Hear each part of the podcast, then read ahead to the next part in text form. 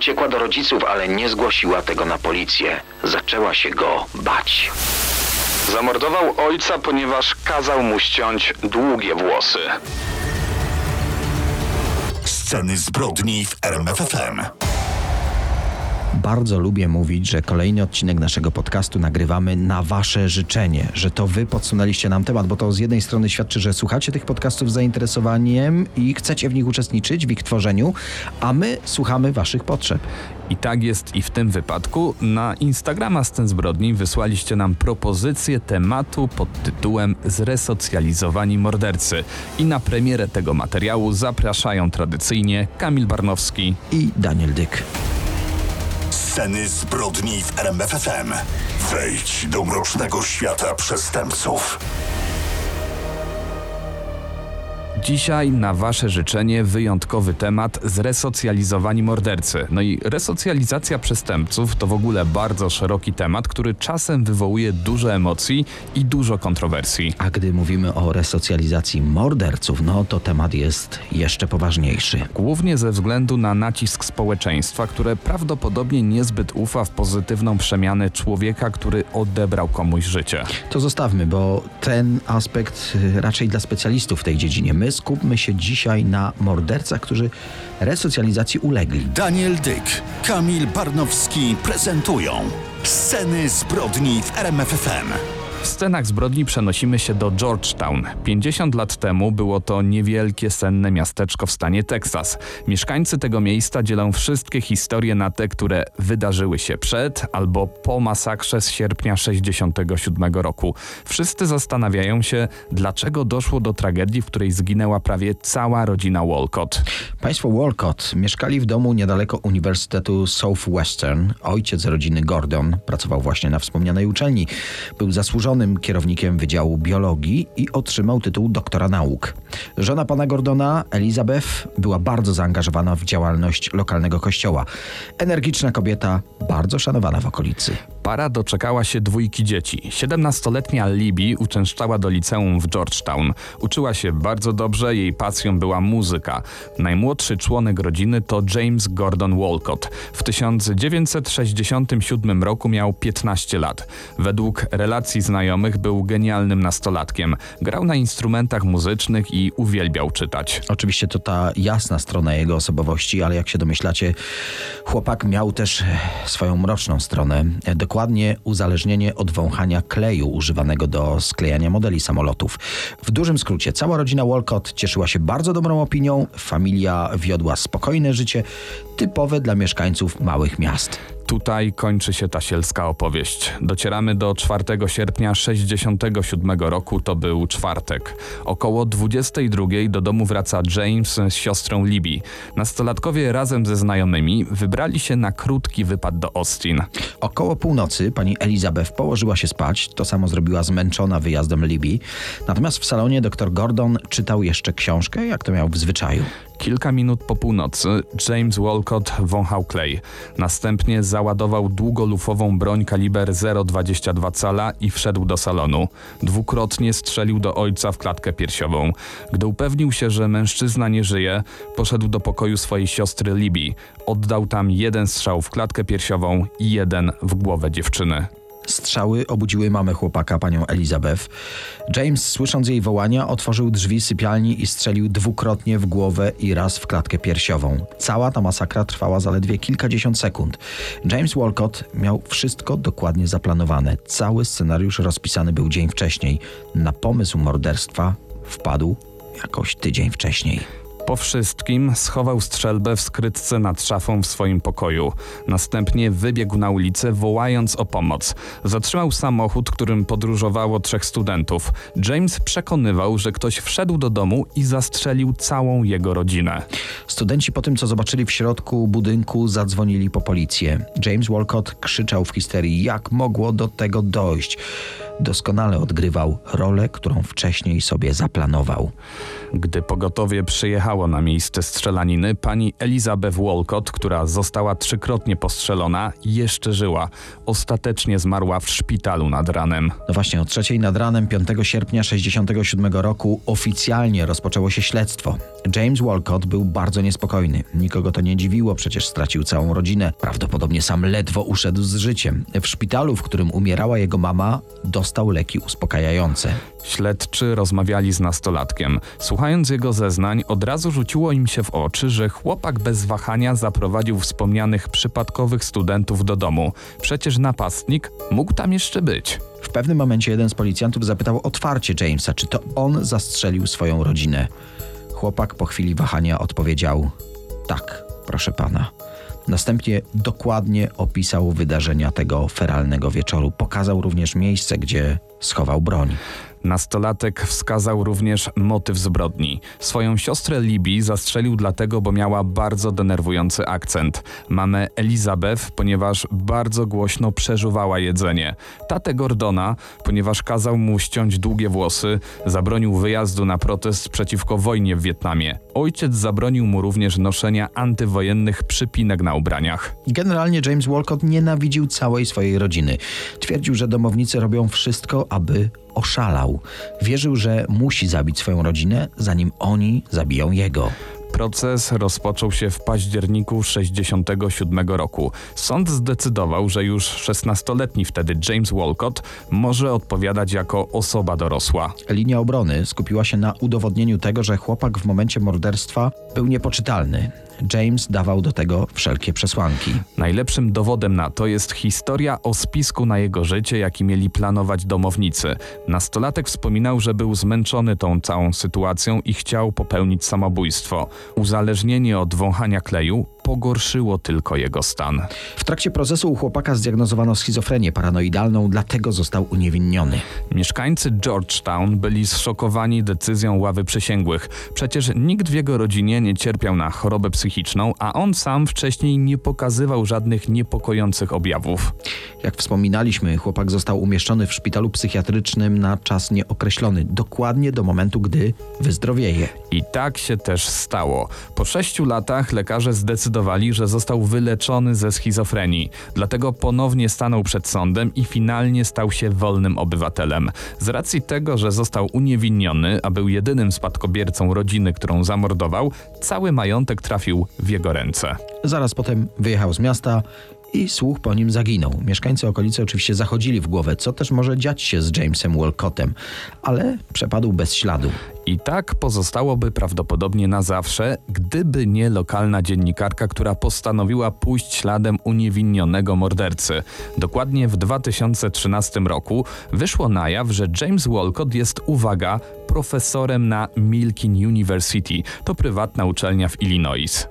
Tak dokładnie to już nie James Walcott, bo zmienił nazwisko na James St. James. Jest nawet kierownikiem Katedry Psychologii Behawioralnej. To uznany specjalista w swojej dziedzinie. Jego kursy cieszą się ogromną popularnością wśród studentów. Gdy cała ta historia wyszła na światło dzienne, wiele osób domagało się zwolnienia profesora. Jak to morderca może uczyć studentów? Ale spora część społeczeństwa stanęła w obronie Jamesa. Ich zdaniem odpokutował już swoje winy. Jego historia jest dowodem na udaną resocjalizację. Po potrójnym morderstwie James nie miał żadnego konfliktu z prawem, nie dostał nawet mandatu. Uczelnia, na której pracował i studenci również stali po jego stronie, dlatego swoje stanowisko zachował. W jednym z wywiadów James Walcott powiedział, że kompletnie nie interesuje go to, co sądzą o nim mieszkańcy rodzinnego Georgetown. Nie wraca już do tamtych czasów. No i tutaj pojawia się wiele kontrowersji, czy zasądzona kara była adekwatna do przestępstwa. Wiele osób wskazuje, że James nie poniósł właściwie żadnych konsekwencji potrójnego morderstwa. Czy gdyby nie ukrywał swojej przeszłości, też mógłby liczyć na karierę na uniwersytecie?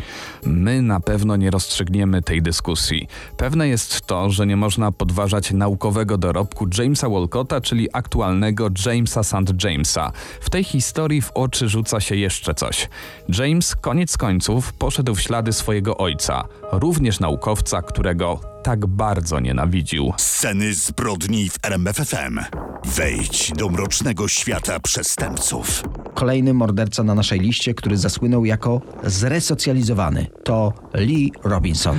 Urodził się w Melbourne w 1948 roku. Jego rodzice rozwiedli się, gdy miał 4 lata. Zamieszkał z matką, a z ojcem nie miał kontaktu.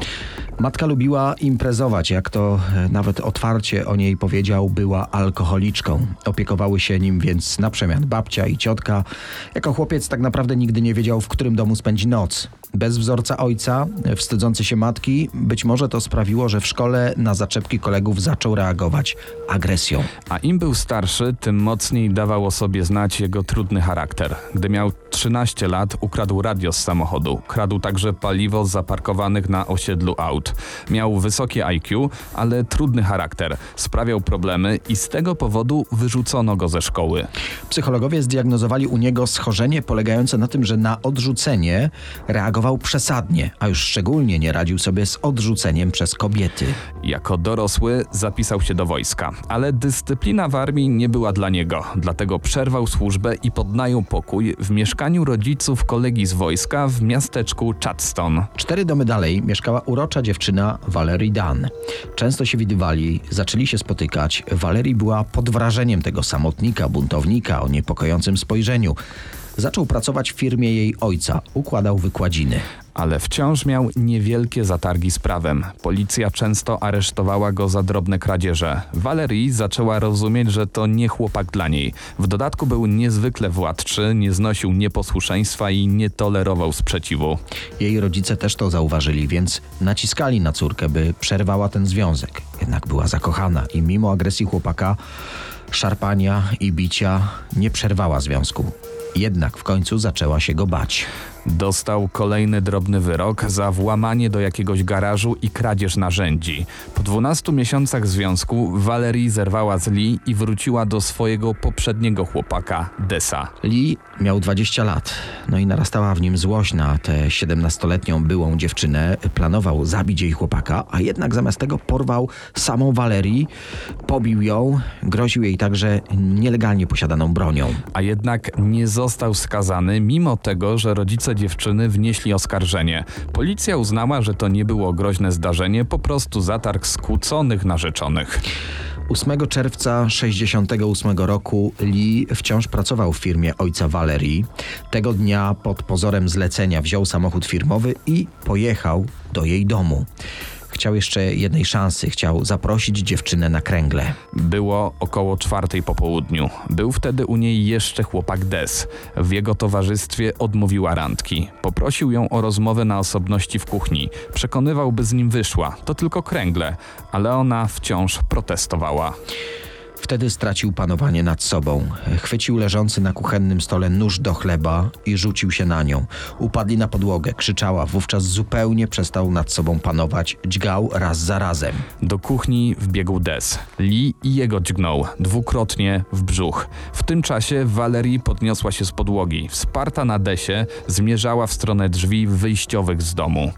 Wówczas dogonił ich Lee i zaczął znów dźgać Valerii nożem w plecy. W sumie wbił nóż dwukrotnie w jej klatkę piersiową i aż 14 razy ugodził dziewczynę w plecy, po czym uciekł. Valerie nie przeżyła. Policja wszczęła poszukiwania, ale Lee Robinson sam zgłosił się na komisariat. Nie przyznał się do zabójstwa. Twierdził, że zastał dziewczynę w takim stanie, że potknął się o jej ciało leżące na podłodze. Sąd jednak nie miał wątpliwości. Krótki proces i błyskawiczny wyrok. 28 listopada 68 roku wydano wyrok śmierci przez powieszenie. Taki wyrok niemal z automatu otrzymywali wszyscy mordercy, ale jego obrońcy wysłali prośbę o ułaskawienie do premiera. Młody chłopak, zakochany, w szale miłosnej kłótni, po odrzuceniu przez dziewczynę, no, zadziałał impulsywnie. Wobec takich argumentów premier ułaskawił Robinsona. Karę śmierci zamieniono mu na 30 lat za kratkami z opcją, że o przedterminowe zwolnienie może ubiegać się po odsiedzeniu 20 lat w ciężkim więzieniu. Lee Robinson zachowywał się tam rewelacyjnie. Wzór do naśladowania. Działał w więziennej grupie teatralnej, szył szmaciane zabawki dla dzieci. W towarzystwie więźniów jakby się odnalazł. Stał się dojrzałym, sympatycznym trzydziestolatkiem. Na wolność wyszedł już po 15 latach od siatki. Właśnie, przy szyciu tych więziennych zabawek, o których wspomniałeś, poznał Ginę, która instruowała więźniów jak szyć. Zaprzyjaźnili się, a gdy wyszedł na wolność, stworzyli związek. Gina znała jego historię, no ale uznała, że zabójstwo było czymś w rodzaju takiego romantycznego morderstwa. W dodatku stał się wzorowym ojcem dla jej dzieci z wcześniejszego związku. Starsza córka wiedziała, że ojczym zabił swoją dziewczynę, ale jej rodzeństwo było zbyt małe, by znać szczegóły. Pokochały nowego tatę, a on też spełniał się w roli ojca. Nowi znajomi, imprezy, stał się duszą towarzystwa. No zupełnie odmieniony człowiek. Nie było już tego gniewnego, gwałtownego samotnika. W 1987 roku wziął udział w telewizyjnym programie, w którym mówił o swoim morderstwie. Cytuję. To były inne czasy. Miałem 20 lat, ale mentalnie byłem dziesięciolatkiem. Teraz mam 40 lat i dojrzałem. Został niemal publicznie rozgrzeszony ze swoich występków. Stał się wzorem tego, że resocjalizacja działa, że powrót na ścieżkę prawa jest możliwy. I w sumie byłoby super zakończyć tę historię tutaj. Prawda? Fajny, spełniony facet. A jednak, cztery lata po telewizyjnym wywiadzie, Lee Robinson zostaje aresztowany i skazany za wielokrotne kradzieże i paserstwo. Ukradł, wyobraźcie sobie, towary o wartości około 100 tysięcy dolarów. Sąd skazuje go na dwa lata więzienia. Jego partnerka Gina nie przekreśla go jednak. To po prostu drobna wpadka na jego drodze ku pełnej resocjalizacji. Gdy wychodzi z więzienia, znów tworzą szczęśliwy związek. I znów jest wzorowym partnerem. Znów bije się w piersi, że to było głupie, że się nie powtórzy i rzeczywiście już nie trafił do więzienia za kradzieże. Trafił do więzienia za o wiele bardziej przerażające zbrodnie. Wracamy do roku 93. Wtedy Lee Robinson wyszedł z kolejnego więzienia. Znów starał się być przykładnym ojcem. Trochę za bardzo się przykładał. Zaczął regularnie kąpać swoje przyszywane córki. Po latach przyznały, że w łazience posuwał się o wiele za daleko. Gdy jego pasierbica Louise dorosła, oskarżyła ojczyma o zgwałcenie jej. Po raz pierwszy, gdy miała 13 lat. Później wielokrotnie zakradał się do jej łóżka. Jej dramat trwał przez kolejnych 5 lat. Co ciekawe, jej matka Gina trzymała stronę swojego partnera. Oskarżyła córkę, że wszystkie zarzuty zmyśliła i mimo tych oskarżeń wyszła za mąż za Robinsona. Sąd uwierzył dziewczynie, zwłaszcza, że doszły podobne zarzuty od jeszcze dwóch nastolatek. W listopadzie 94 roku Robinson dostał kolejnych 5 lat za kratkami. Wyszedł z więzienia w 2003 roku. Znów wrócił do Giny, która wierzyła w jego niewinność, ale ich patchworkowa rodzina rozpadła się. Córki nie mieszkały już z nimi. I wówczas ojczym wykorzystał swojego adoptowanego syna. Ten powiedział o wszystkim matce, ale i jemu Gina nie uwierzyła. W końcu jednak para rozstała się. Lee Robinson zamieszkał w Pillsdale, na przedmieściach Melbourne, w niewielkim, zaniedbanym domku, o którym sąsiedzi mówili Buda. Ale poza tym sąsiad miły, sympatyczny, a nawet grzeczny. Morderca, gwałciciel i złodziej wiódł znów towarzyskie życie. Przystojny, bystry, zadbany, podobał się kobietom. W 2008 roku poznał 33-letnią Tracy Greenberry, matkę dwójki dzieci. I ona również wierzyła w skuteczność resocjalizacji, że się zmienił, że jest idealnym facetem, którego szukała całe życie. Wiedziała, że 40 lat wcześniej zabił kobietę, ale to był wypadek samochodowy, jak sam jej powiedział. On ucinał zdawkowo wszystkie rozmowy na temat kryminalnej przeszłości. Im dłużej trwał ich związek, tym dziwniejszy się stawał. Pewnego dnia postawił broń na stole i kazał y, dziewczynie robić wszystko, czego żąda. Przystawiał jej broń do głowy, szarpał ją, popychał. Uciekła wtedy do rodziców, ale nie zgłosiła tego na policję. Zaczęła się poważnie bać Robinsona. 28 kwietnia 2008 roku, w deszczowy dzień, Lee wyszedł ze swojego domu. Mieszkał kilkadziesiąt metrów od domu Tracy. Gdy wychodziła z domu, złapał za strzelbę i szedł za nią. Wystraszyła się i podbiegła do przypadkowego domu. Zaczęła dobijać się do drzwi. Gdy sąsiadka otworzyła, zobaczyła skuloną ze strachu dziewczynę, która dosłownie wpełzła do jej domu. Dziewczyna leżała twarzą na posadzce jej przedpokoju. Robinson zbliżył się z zimnym wzrokiem i wszedł do przedpokoju. Strzelbę przyłożył lufą do tyłu głowy Tracy. Na oczach sąsiadki po prostu strzelił i wyszedł. Ukrywał się później przez kilka dni, zmienił wygląd, zafarbował siwe włosy na ciemno, ale w końcu, podobnie jak za pierwszym razem, zadzwonił na policję i powiedział, że się podda. W sądzie żartował, bagatelizował całą sprawę, upierał się, że to był tylko nieszczęśliwy wypadek. Zacytujmy sędziego. Ścigałeś ją pod miejską ulicą w biały dzień, niosąc naładowaną strzelbę. Kiedy ją dogoniłeś, bezdusznie strzeliłeś w tył jej głowy, gdy próbowała odczołgać się od ciebie na oczach skamieniałej sąsiadki. No po prostu Lee Robinson zaprzeczał oczywistym dowodom. 28 stycznia 2010 roku sąd ogłosił wyrok. Tym razem dożywocie bez prawa do apelacji. Na sali wybuchła wrzawa oklasków, a Lee Robinson jedynie wzruszył ramionami. Płatni zabójcy, seryjni mordercy i sceny zbrodni w RMFFM.